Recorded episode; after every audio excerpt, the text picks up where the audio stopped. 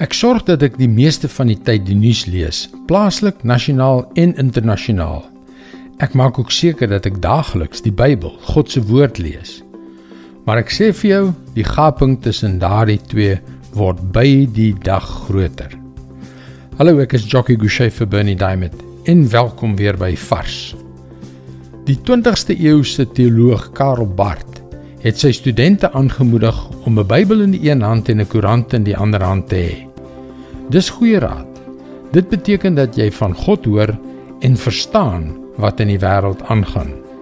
Maar nou moet ek bely dat ek party dae so kwaad word vir dit wat ek in die nuus lees. Hoe kan mense so optree? Hoe kan hulle so dom wees? Hoe kan hulle so boos wees? Ek voel onmiddellik iets wat ons Christene graag geregverdigde woede noem in my hart opkom. Ek sou hulle eerder graag aan flarde wou skeur. En weet jy, deesdae is dit deur middel van die sosiale media binne ons bereik. Maar is dit regtig wat God wil hê ons moet doen? 1 Petrus 3 vers 9 tot 11. Moenie kwaad met kwaad vergeld nie.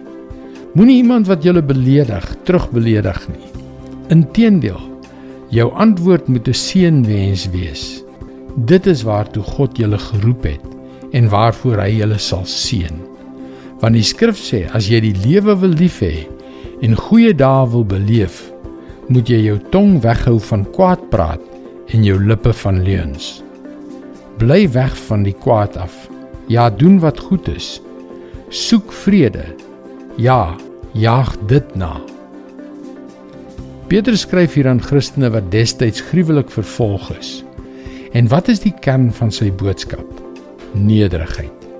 Ja, ek weet daar is tye wanneer ons moet praat. Maar die geluid van nederigheid in hierdie luidrugtige, eie sinnige wêreld is oorverdowend. Moenie iemand wat jou beledig, terugbeledig nie.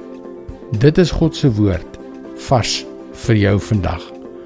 Gaan gerus na ons webwerf varsvandag.co.za Daar kan jy inteken om daaglikse vars boodskap van jou e-posbus te ontvang. Wanneer jy inskryf, kan jy ook die gratis e-boek Oorwin die onmoontlike aanvra. Luister weer môre na jou gunstelingstasie vir nog 'n boodskap van Bernie Diamond. Seënwense en mooi loop.